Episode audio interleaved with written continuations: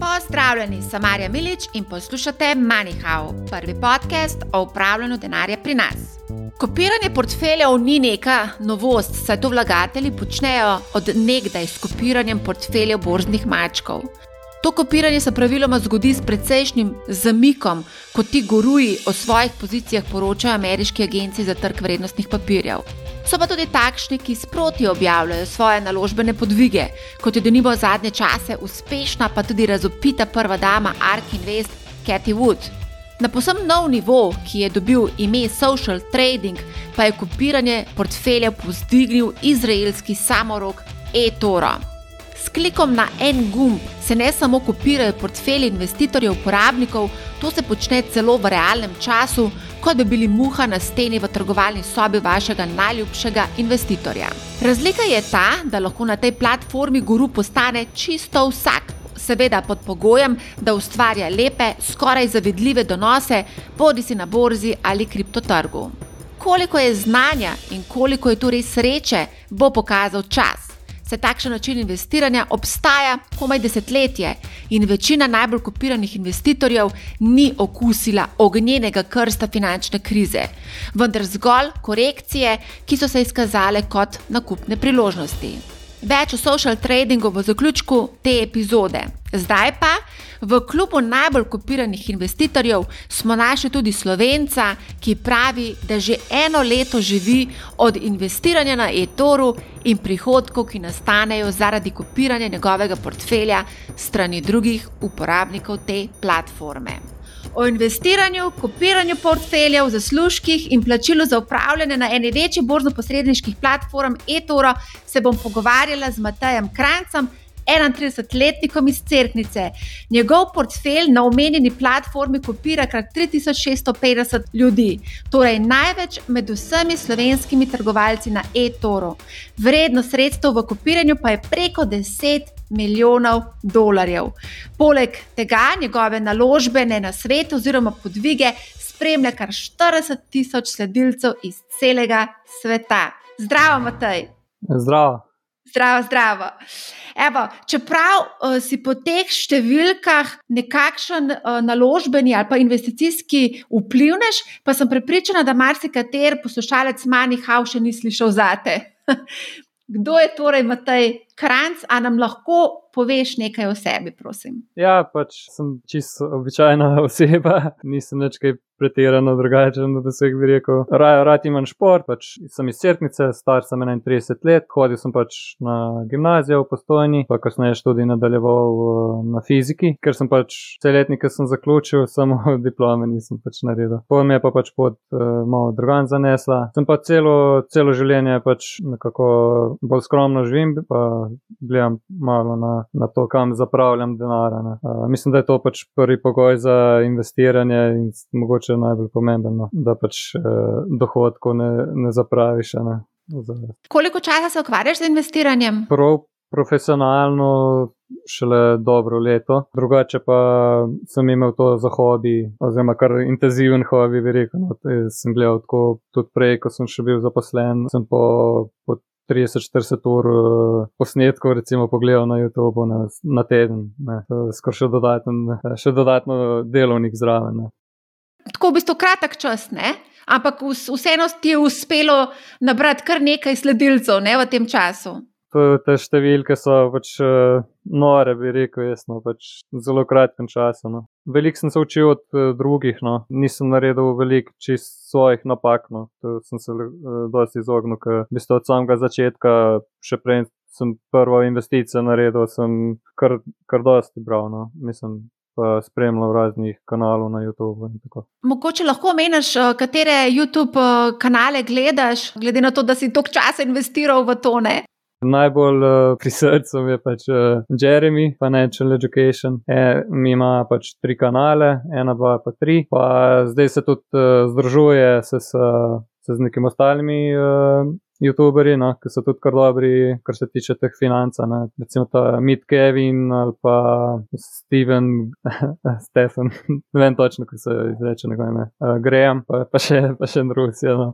Imajo pa ta Millennial Money, no, skupaj vodijo, pa tudi vsak posameznik ima svoj kanal. Pač tam je res ogromno nekih informacij, pa uh, sploh je dobro to, ker dobiš informacije v realnem času. Ne. Knjige so, naprimer, zelo dobro je knjige brati, ampak recimo za investicije, ampak vseeno ne dobiš tega v realnem času izkušenja iz knjige. Mal, iz knjige je težko vedeti, ko se recimo počutiš, ko delnica pade 20-30%. Če pa se ti to pač. V realnem času dogaja, pa, pa imaš informacije v realnem času, pa se pač hitro navadiš. Tudi na padce. ja, tako je. Kaj te pa je privleklo v svet uh, investiranja? Začel sem gledati uh, svojo pač, uh, stanovanjsko situacijo, pač, uh, želel sem se svojega stanovanja ali hiše. No. In sem vedel, da pač z neko navadno zaposlitvijo zelo težko priješ do, do neke svoje parcele, svoje hiše in tako naprej. No. Ja, pač to je bil povod, da sem začel razmišljati o investicijah. No. Drugače sem pa zmeri vedel, da je inflacija in zmeri sem pač tako skromno živel, bom rekel. No. Sem uh, vrčeval od petega leta dalje, praktično. V bistvu prve investicije so bile pri, vem, 15, tam, oziroma že prej, eh, te depoziti na banki so bili že prej, potem pa nekatere eh, naložbe zavarova, iz zavarovalnic, to je bilo pa v srednji šoli, s katerimi pa pač nisem bil zadovoljen. No. Sploh potem, ko sem videl, kakšni rezultati bili, če bi verjetno sam investiral. No. Se z nekaj znanja. Nisem dobil nobenih, bistveno nobenega returna, nisem, nisem dobil na teh profesionalnih uh, skladih, no bom rekel. In sem izgubil pač des, deset let tam na teh skladih. No. Zakaj si izbral platformo eToro? Mi smo o eToro že kar precej govorili na podkastu, smo tudi opozarjali na nekatere pomankljivosti in nevarnosti trgovanja na eToru. Torej, zakaj je primarno tvoja platforma eToro?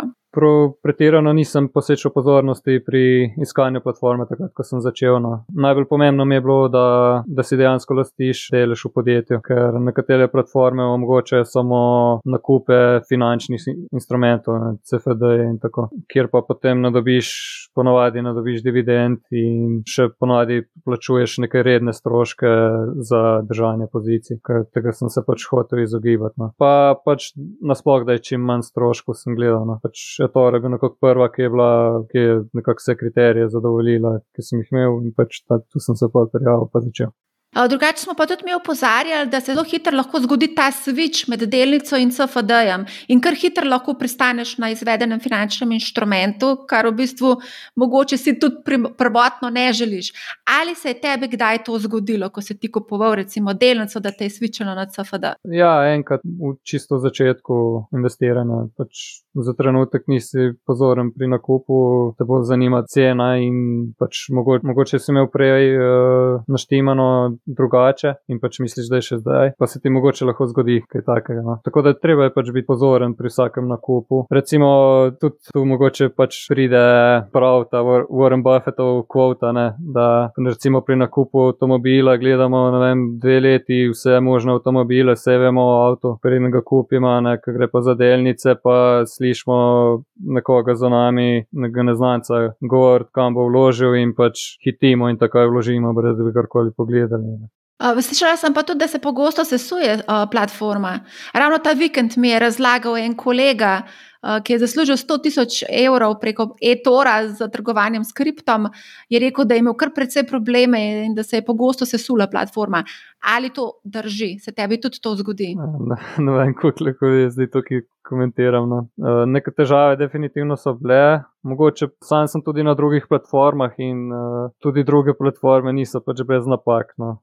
Mogoče so se tukaj malenkost bolj pojavljale, ampak to je pri meni pač še pač dodaten razlog, da pač gledam na do bolj dolgoročne investicije, kakor, kakor da bi ne, dnevno trgoval. No. Ker če prije mogoče do kakšne napake, ne vem, si lahko pol škripci. Ja. Um, ko omenjaš, da tudi trguješ preko drugih platform, katere platforme pa še uporabljaš? Ja, na Trading 212, to sem še uporabljal. Od začetka sem bil kar zadovoljen, sem zdaj pa ima veliko assetov, ne vem kako bi rekel to po slovensko, veliko različnih investicij je možnih na sami platformi, ampak zdaj so nekako začeli nekako stroške zvišvati in to nekako pol ni bilo všečno. Pa imel sem še ta virtualni račun na, na Interactive Brokers, ampak tukaj na Interactive Brokers pa pač ni priporočljiv za ljudi, ki imajo pač manjša vsota. No. Tudi sam še, tudi sam še nisem pri kakšnih večjih sotah, da bi, da bi se pač tam logije, mislim, da bi uporabljal Interactive Broker. Da, mogoče ima tudi tako, no, ne vem, tam ima deluje tako zastarelo vse skupaj in je težko sploh videti, kaj kaj pomeni. No. Na, na virtualnem pa se niti ne da vsega testirati in je pol malo problem. Ja, z tega vidika je e-toro veliko bolj tak, kot igrca, igranje igrice. Mislim, ja, lažje, no, pa sploh za začetnike bi rekel. No imaš več ali manj, imaš samo nakupe in prodaje. Ni, no, pa imaš še te pač osnovne, da na določeni vrednosti nastaviš in da, da ti kupi ali pa prodaja, ali pa kitajska, no. ali pa da ti, ne vem, prodaja. Ta trailing stop loss, no, to je recimo, da ti sledi pač, da ti skozi sledi uh, ceni delnice. Ne vem, recimo, da če pade 10%, ti bo prodalo pri 10% niže delnice, ne, ne glede na to, kaj se kaj, kaj se dogaja potem naprej. No.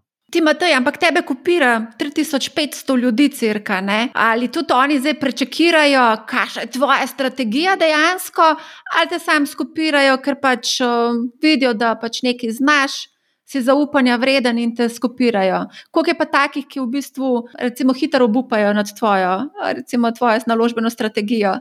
Zelo različno je nekako 50% kopir, uh, teh ljudi, ki se odločijo za kopiranje, ima bolj slabo poznavanje, kam sploh vlagajo, ne, ne, ne preberejo, mogoče profile in tako. In verjetno so tudi na začetku neke svoje poti in se spoznavajo boljše s platformo. In se lahko zelo hitro zaključijo, ne? lahko še isti dan ustavijo kopiranje ali pa, ali, pa, ali pa naslednji dan ali pa v parih dneh. Ne? Mislim, da ne bi nikomor svetoval, da ne kopira za en teden, pač to je bolj uh, loterija ali bo šlo v enem tednu gor ali ne. Saj pač pri mojem uh, načinu trgovanja, ki gledam pač dolgoročno. Ali lahko mogoče še poveš, ta del je se mi zdi tako zanimiv. Koliko si imel največ kopircev do sedaj v tem času in kdaj si v bistvu postal profesionalni? Investitor oziroma vlagatelj. Največ sem jih imel, mislim, da 6700, mogoče plus minus 200 tam nekje. Investitor, eh, popelen investitor, pa sem postal uh, maja lani, predtem nisem, predtem nisem imel kopirca. No. Je kaj pa pomeni v bistvu popelen investitor? Mogoče lahko poveš, uh, kaj to sploh je? To je pač program, katerega se pač lahko prijavi vsak. Ki misli, da je pač dovolj dober, ali pa ima dovolj dobre statistične podatke, in potem so pač neki postopki zbiranja, katerih ne poznam, pač, eh, to je pač stvar Tora. In če imaš zelo dobro statistiko in, te, uh, in si pač ljudem privlačen, uh, in uh, potem uh, lahko priješ v različne razrede na Toru. In če imaš dosti kopircev, te potem lahko tudi uh, iz tega plačajo. A lahko malo več o tem poveš, o plačilu? Koliko denarja lahko zaslužiš, če te začnejo ljudje kopirati in od česa je to odvisno? Če ti pač zelo dobro uspe, se da zelo dobro zaslužiti. Drugače, prva dva razreda prvi razred, mislim, da ni plačila, drugi razred je, mislim, da 400 do 800 dolarjev, glede na uspešnost, če si pač uspel v tistem mesecu prinesti eh, dobiček, ne, eh, en procent, pač več plačan, če ne ponižene. Od začetka je to pač kot nek dodaten zaslužek, če pa priješ eh, pač na te elit levele, pa elit pro, pa pač se od tega, da kar lepo živiš. No. In ti živiš od tega? Zaenkrat, ja. A lahko mogoče malo več razkriješ o tem, a, mogoče ne vem, zdaj omenil si, da se dobro zasluži, a lahko mogoče poveš približno, koliko se da zaslužiti tukaj, da si znamo vsaj približno predstavljati a, te številke, koliko kratnik povprečne plače. Sam limit na platformi je, mislim, da se da. Skoraj milijon na leto zaslužiti, ali pa mogoče celo malo več. Bi mogel še iti skozi te številke, ampak uh, sam seveda pač nisem, nisem tako visoko. Pač je pa sam pač dobim nekaj poprečnih slovenskih pač. No. To je odvisno tudi od teh sredstev, kopircev. Um, od česa je to odvisno? A več imaš sredstev od teh ljudi, ki, kopi, ki ti kopirajo v upravljanju, ali več kopircev je, več denarja zaslužiš, če prav razumem. Tako je, pač, ker tudi e, na zadnje več prometa ustvariš platforme. Pa, mislim, da pač to je nekako prednost tega tora, ne? ena izmed prednosti, no? da je možno pač te slediti popularnim investorjem, da z enim klikom praktično uh, imaš nekoga, ki, uh, ki ima tudi lastna sredstva notana, da so njegovi cilji poravnani s tvojimi, da praktično z enim klikom imaš lahko precej dobre donose. Ne. Kako se je pa začel s tem, recimo, da si dobil prvega kopirca? Kaj si smislil, ko si dobil prve kopirce? No, čisto prvega sem dobil že nekoliko prej, no. že mislim, da marca ali februarja Mislim, da biš prvega kopirca, ni, sam niti nisem vedel, da, so, da, da pač imam zelo dobro statistiko v tistem času. No. Zdaj, zdi se ti v redu, da mogoče bo še kdo kopiral, ne pa bo nekdo dal tam zaslužek, ne poleg dela še, vse od začetka. Ne. Potem pa se je izkazalo, pač, da je bila precej dobra statistika pri meni in sem bil potem promoviran med najboljšimi investitorji. Če pa te tam promovirajo, pa število kopircev pač trmo naraste. Ne. In potem, ko je to naraščalo na več tisoč, si si mislil, kaj? A si čutil kakšno odgovornost, si bil kaj bolj v stresu zaradi tega? Ja, pač sem si vzel en teden na začetku, da spoh premislim spoh. Uh, V bistvu jaz niti nisem vedel za ta Popel Investor program. Ne. Mene so v bistvu kontaktirali za to, ker sem pač tako dobre statistiko. No. In pač sem si mogel vzeti pač en teden za razmislek, ker to je bilo praktično skoraj čez noč, sem dobil uh, ne vem, 100-200 kopircev v dveh, treh dneh, iz enega na 300. Uh, je, mislim, dokaj huda odgovornost. Pač meni je veliko lažje z svojim denarjem pač, uh, operirati, ker uh, veš, kakšna tveganja uh, si pripravljen uh, prenesti, in pač se nikomu ne boš zamiril, in tako ne, sem s svojimi sredstvi tvegaš. Ja, koliko pa je teh tvojih lastnih sredstev, koliko v portfelju, koliko denarja obračaš, lastnih sredstev, lahko mogoče to zaupaš, a pa s koliko si začel? Začel sem v bistvu postopoma, ne pač. Uh, nekako ti pa začneš, prvič sem se zdi 500 dolarjev naložil na račun, potem kmalo za tem 5000, ker uh, biste te, še testiraš na začetku, kako sploh eh, transakcija poteka in tako ne. Ker uh, jaz sem se malo bal, da me bojo že na banki, ne vem, zaračunali ne vem kakšne transakcije ne? in take stvari se pa malo boječe pristopiš. No. Ampak ja, uh, nekako uh, prvih dveh, treh mesecih sem potem nekako uh, 10-15 tisoč naložil gor. Pa prvo leto sem imel, sem pač, mislim, da manj kot polovico vloženega, no, pa sem vseeno dobil na celotna sredstva, tudi tisto, kar ni, če, če res celotna sredstva gledamo, sem še vseeno čez 30% dobil leta 2019. No. Je bilo kar dobro. No. Lahko mogoče zaupaš, koliko denarja pa danes obračaš. Zdaj, tukaj smo omenjali številko 10 milijonov uh, sredstev v upravljanju od vseh kopircev. Ja, tukaj, bi potem še malo o teh razredah povedal. Uh, zdaj med, tri, med štiri razredi so ne in zdaj sem na prehodu iz tretjega v četrti razred, popular investorja. Ne.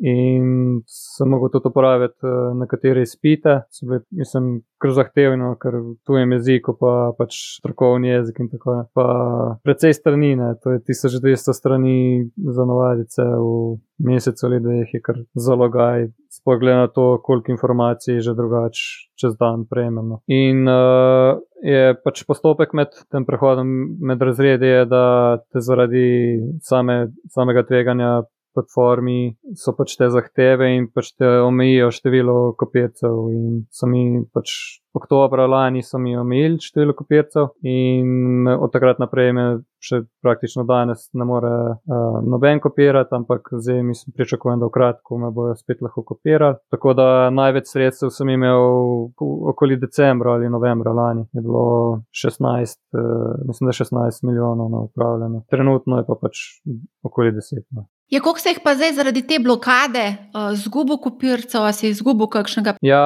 od začetka blokade je praktično več kot polovica, no, jih je že odšlo.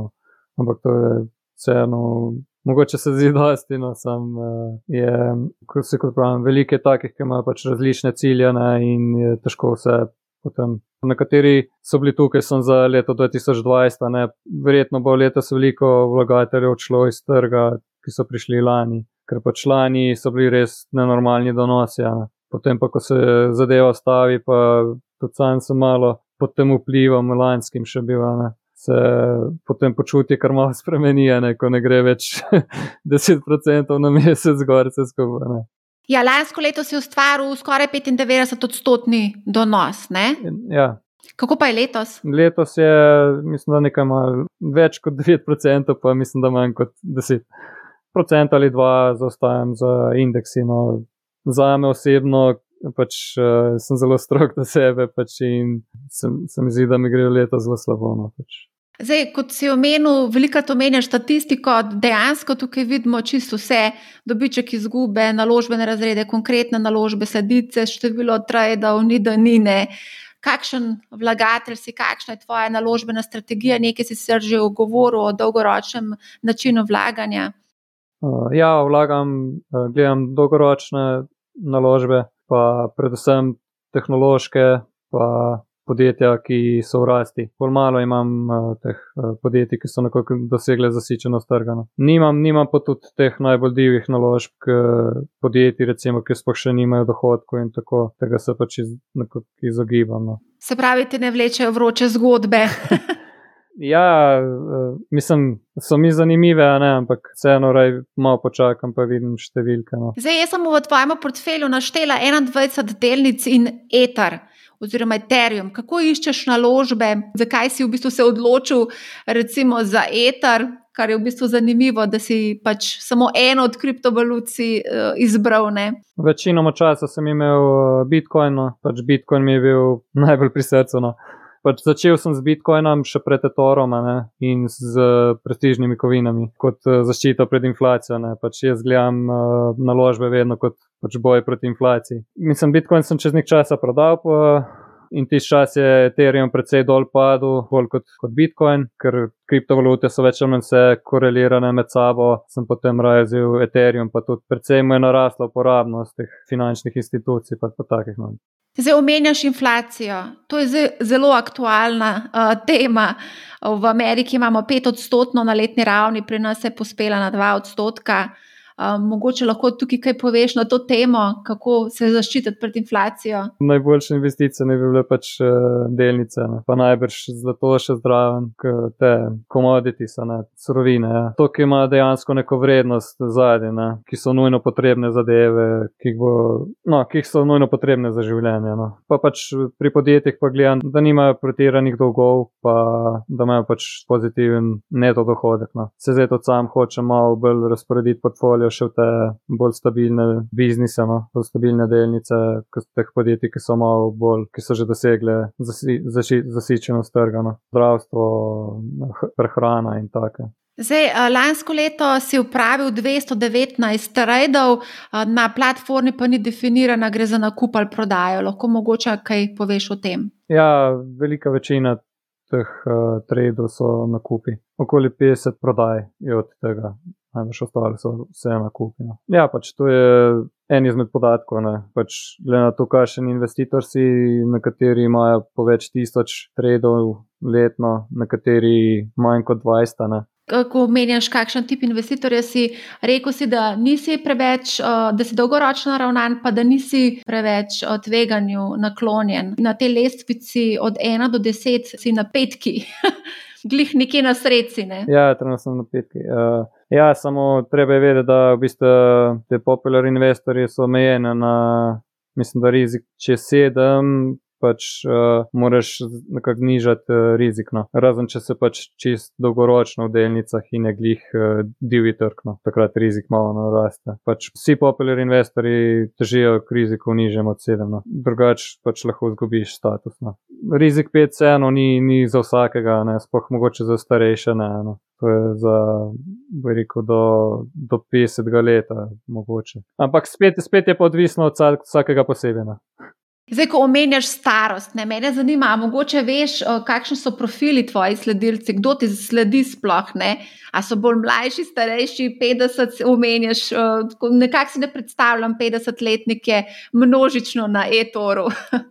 Uh, mislim, da večina je verjetno milenijcev. No. Po mojem, imajo pač enaka videnja kot jaz, nekaj smo na nekem istem obdobju odraščali in tako pač jim nek ta moj pristop uh, odgovarja. Ne. Pač imamo radi tehnologijo, verjetno sino milenici. Drugače pa, vem, to so z celega sveta in tudi vseh starosti, no. ampak ne vem pa po procentualno, kateri nimam, nimam podatka. No. Ampak imaš nek odnos z njimi, ne? Ja, pač skušam čim bolj uh, obrazložiti, zakaj sem pač neko naložbo kupil ali prodal. Tako da vejo, kaj se dogaja, ne? ker pač to je bil pri meni recimo največji problem, uh, ko sem uh, investiral v te, ko sem bil še mlad v srednji šoli sem investiral v dva sklada, uh, zavarovalniška, in praktično nisem imel skoraj nobene informacije, kaj se dogaja s svojimi naložbami. Mogoče enkrat letno so dobili neke informacije, tam sem bil pač zelo razočaran. Praviš neke informacije, če si vlagatelj, verjetno, da prideš nekako v stik s tem, zakaj se nekaj proda, kupuje. Ja, spoh, ko gre za nohte. Ne?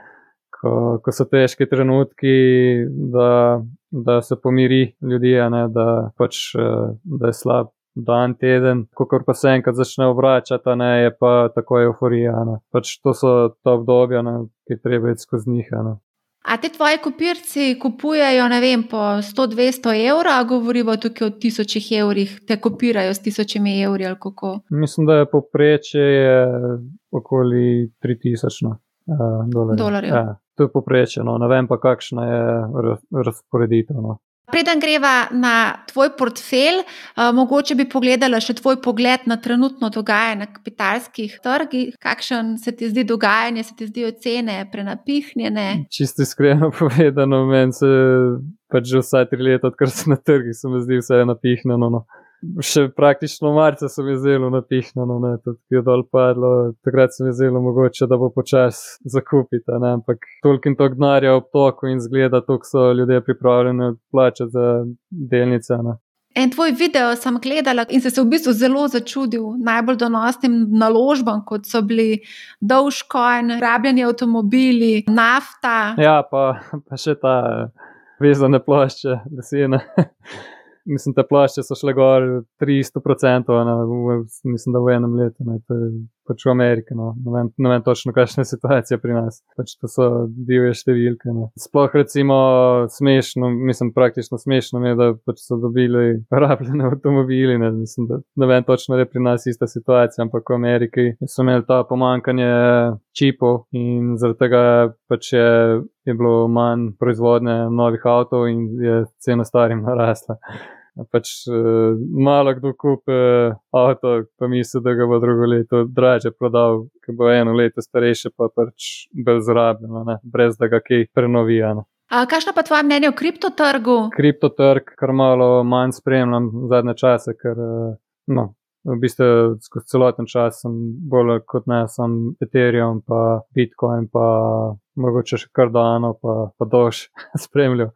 A si mogoče tudi sam investiral v Dogecoin? Uh, ne, do, pač teh doža se, se izogibam, no, to sem za zabavo spremljal, da vidiš, kaj se na trgu dogaja. Drugače pa kripto je cel mali svet v svojem, ne, in težko si predstavljam, da bi bil samo kripto. No. Pač se moraš res uh, zelo spoznati, pa praktično ni časa, da bi se, da bi toliko posvečal kripto. No. Pa se mi zdi, da veliko teh kovancev je koreliranih med sabo in ne vem, neke dodatne vrednosti držati, ne vem, deset kovancev proti enem.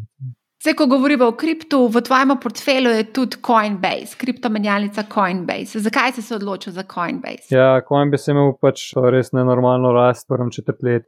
Glede na ostale delnice, je kar malo poceni, no, vsaj trenutno. Je pa pač pri Coinbase malo prešljiva pač prihodnost, ne zaradi tega. Zaradi tega je pač tudi ustrezno, pač malo nižje vrednote. Ne. Pa na Coinbase pač gledam kot na nek kripto ETF, ne. da imaš ne glede na to, kater kovanc bo eksplodiral, Coinbase ne bi mu nekaj od tega. Ne, uh, ne, mislim, ne mislim loviti teh doškojnov in vem, še, še ostalih kovancov, imam raje nekako Coinbase, ki pokrijo vseeno. Zdaj, ko omenjaš ETF-e, tudi ne. Uh... Nisem jih opazila v tvojem portfelju, s kakšnim posebnim razlogom? Ne, mislim, se jih ne izogibam, ampak uh, trenutno ni nekega ETF-a, ki bi me pač privlačil. No. Spremljam pa ta Ark Invest, pa pač te ETF-e, ki kakšne surovine vodijo, recimo za Gold ali pa za Silver. To sem že investiral v preteklosti. Tukaj lahko samo dodam, da pač Slovenci ne moremo kupovati Ark Invest oziroma Evropejci, uh, za izjemo. Nekateri slovenski brokeri ponujajo možnost investiranja tudi v Ark Invest in druge ETF-e, ki kotirajo na ameriškem trgu oziroma so, imajo domicilno državo Ameriko uh, s podpisom neke pogodbe. Tako da, kar se pa tiče tega zlata oziroma plemenitih kovin, imaš pa tudi Berig Gold v, v portfelju. Zakaj se ti zdi ta sektor zanimiv? Tu sem pač uh, zdaj za obdobje te nepredvidljive inflacije kupil. Kot uh, podjetje, ki se ukvarja s komoditijem, s, s surovinami. No. Zato je vseeno precej visoko, se mi zdi, mogoče podjetje pa ni še toliko eksplodiralo, kot samo zlato. Ne. Opazila sem, da imaš tudi nekaj takih zelo zelenih naložb uh, v svojem portfelju. Uh, se ti zdi ta ESG direktiva zanimiva, oziroma ESG naložbe? Ja, to investiranje se mi zdi pač tako, lahko je pač v bistvu zelo lepa stvar, ker pač investiraš tja, kar, kar želiš podpirati in pač nek, nek majhen vpliv tudi je na si del uh, teh podjetij, kamor investiraš. Gledam na prihodnost in to mi je pomembno, no? pač obnovljive energije, recimo zdrav, bolj zdrava prehrana, pa bolj, bolj rastlinskega izvora, kot recimo mesna industrija, recimo precej več zemlje in surovin potrebujemo. Katere so ti tiste naložbe tega ESG oddelka všeč, recimo temu tako? Najbolj mi je pač ta, ta tučev.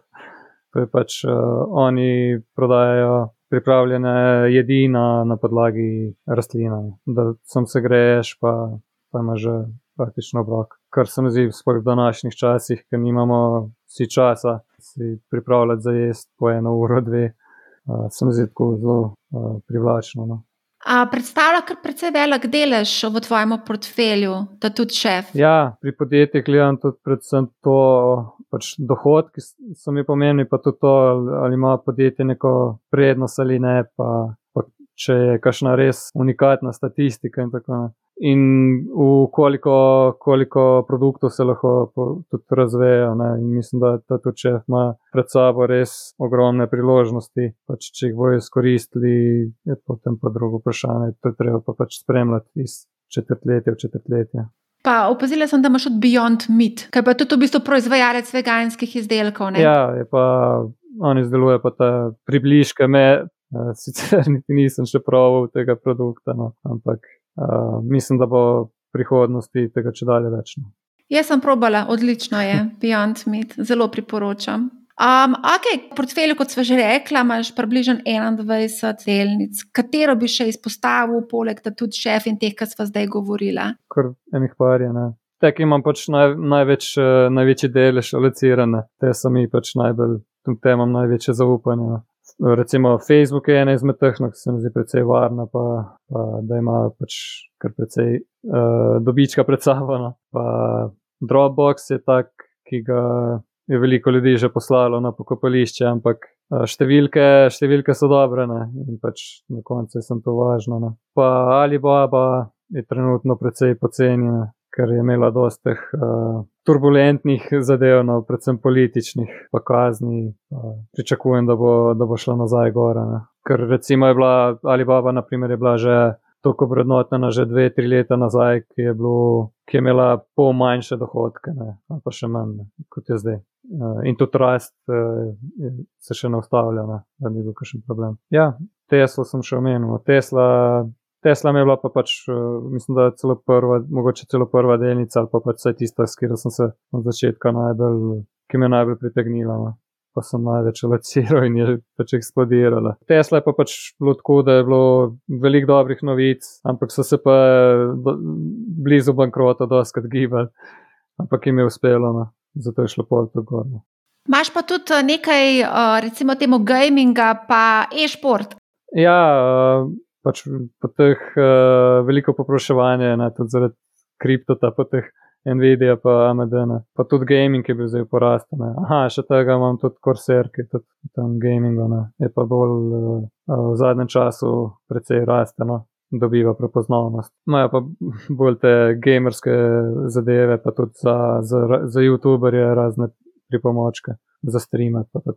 Zdaj, v tisti eni predstavitvi, ki sem jo gledala, ki si jo imel, uh, si omenjal pogosto tudi Lemonade. Ampak v portfelju jo pa nimaš. A ja, ja im, imel sem, ja, pač, ki je začela Lemonade, je šel na 180, pa iz, iz 50 na 180, cena ne delnica. Potem pa, k, mislim, da Full je nekako nahajal to delnico. Pač podjetje je pač zelo lepo, no, pač meni je zelo všeč ta njihov model, v katerem delujejo. Pa gledal sem tudi ta intervju s. Uh, chief executive officerjem. No. Je imel tudi zelo veliko lepih stvari za povedati. No. Da si praktično v bistvu vse zavarovalnice želijo podobnih inovacij, ampak uh, imajo pač toliko teh. Uh, težko, težko je neko uveljavljeno podjetje začeti čist prenavljati. Ne. Sem pa ga kupil, potem ko je padel iz 180 na 115, pač, in pač sem pre, predrago sem kupil, uh, bi mogel še počakati, ker je šel do 60, se mi zdi, ali celo pod 60, in tam neki bi se mi zdi tako primerna cena za kupovati. Je pa pač precej. Predvsej drage, no, ni še teh dohodkov pri podjetju, no, katere se pričakuje. Pokaj so me zdaj neki težave z nekim viharjem. Na te konference se omenja tudi, da si šortov. Ne, prej sem začel investirati, sem mislil, da je podkup. Jaz se šortanja izogibam, no. sem pa šortov indeks, ampak se praktično izgubo. No. Pač sem mnenja, da zelo redko, ko še en se šortanjem je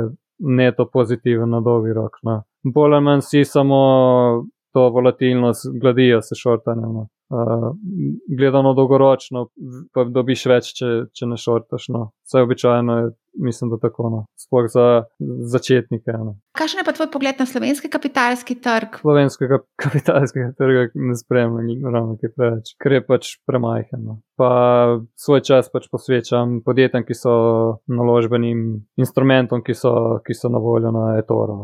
Mogoče lahko poveš, um, ali si v tem trenutku medvedje ali bikov skoraj razpoložen? Nekje vmes pač skušam se pripraviti na, na vse. No.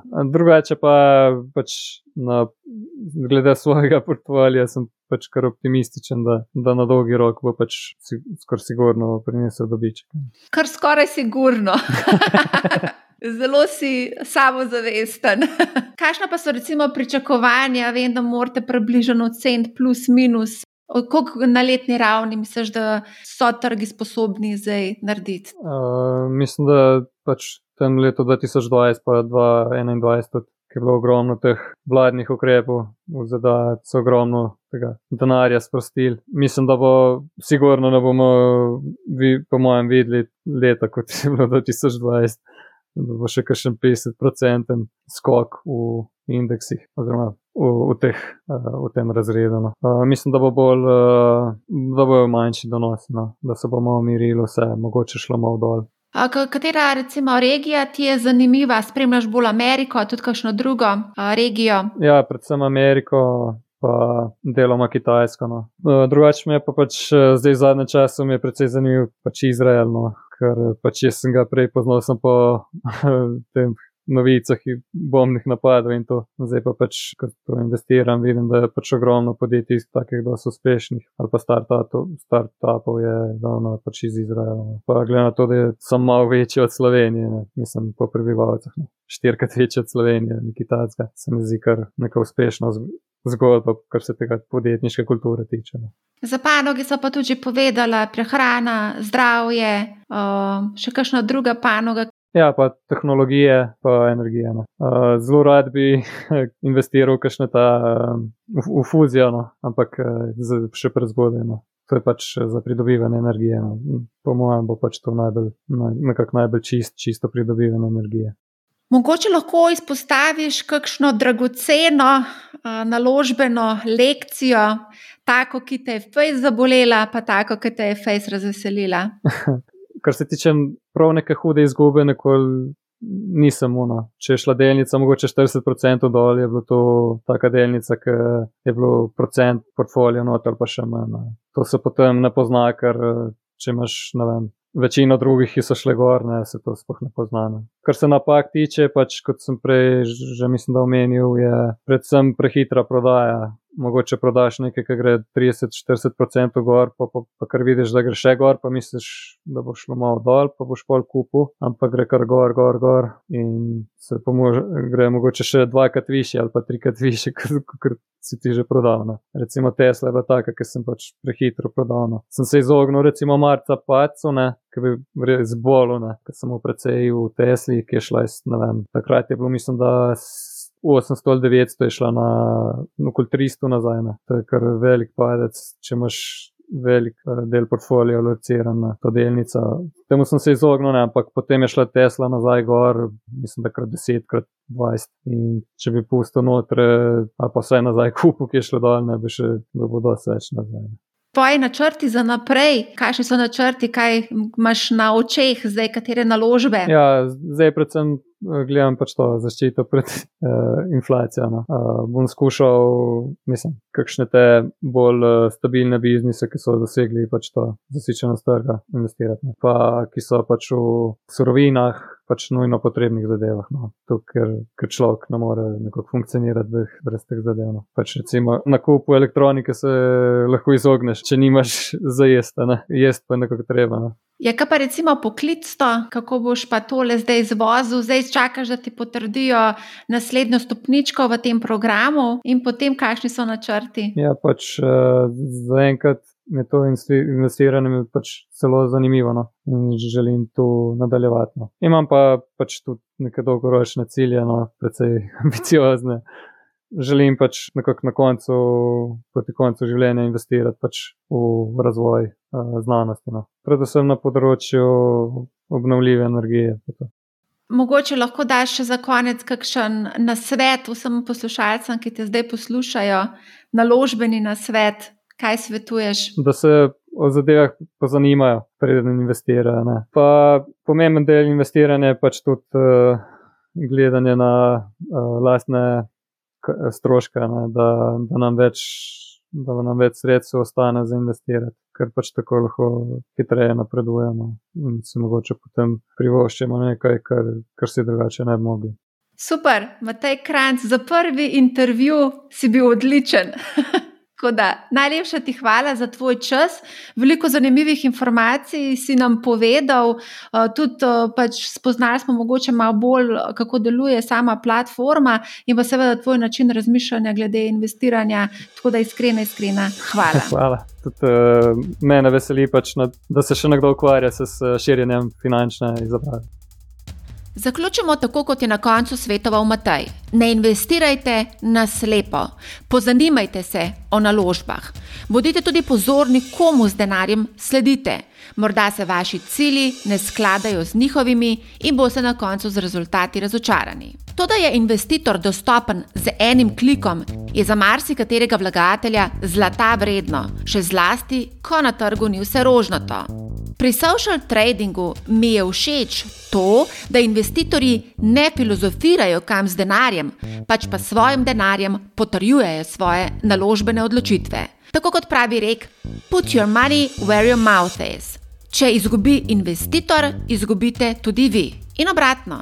Če se veseli on, se tudi vi veselite z njim. Z njim pa lahko tudi rastete in se učite, ter se morda kasneje tudi osamosvojite. Žal pa social trading prinaša tudi kar nekaj slabosti. Težko je poiskati zaupanje vrednega investitorja, ki mu boste sledili. Številni tu naredijo klasično napako. Preverijo zgolj pretekle donosnosti in sicer višji so, bolj se nam zdi investitor privlačen. Tudi ne pozabite, Pretekli donosi niso garancija za prihodnje. Vsekakor je dobro preveriti tudi stopnjo tveganja, ki mu je investitor izpostavljen svojim portfeljem, pa tudi njegovo zgodovino. Številni imajo zelo kratko, saj trgujejo morda leto ali dve. To pa je absolutno prekratko obdobje, da bi lahko kakovostno ocenili uspešnost opazovanega investitorja. Morda si tu lahko pomagamo z oceno tveganja. Dobri rezultati v kombinaciji s čim nižjim tveganjem je lahko tudi eno od meril. Social trading je naplavil cel kup amaterskih vlagateljev, ki so z dobrimi statistikami kar naenkrat postali profesionalci. Vsa potrebna znanja za upravljanje denarja pa ne boste dobili v šoli, niti na fakulteti. Ne. Največ se lahko naučiš s prakso. Se kot pravi Matej, prek knjig ne boš čutil bolečine izgube ali veselja ob donosih. Matej je denimo poleg redne službe na YouTubu opravil še eno službo zraven, ko se je učil osnov investiranja. Tudi pri izbiri platforme velja nameniti kar nekaj pozornosti, saj e-toro kot tak ima lahko tudi precej pomankljivosti, o katerih smo govorili v eni od epizod z naslovom preko katerega brokerja na borzo razkrivamo hudičeve podrobnosti. Predlagam, da to epizodo poslušate. Povezavo bom objavila tudi v opisu podcasta. O social tradingu in tudi drugih oblikah trgovanja bomo še govorili, zato nas še naprej spremljajte. Naročite se na Manihau, zelo bom vesela, če boste posredovali informacijo o podkastu prijateljem, znancem, sorodnikom in vsem, za katere menite, da bi jim vsebina lahko koristila. Poslušajte Manihau, ne bo vam žal. Lep pozdrav!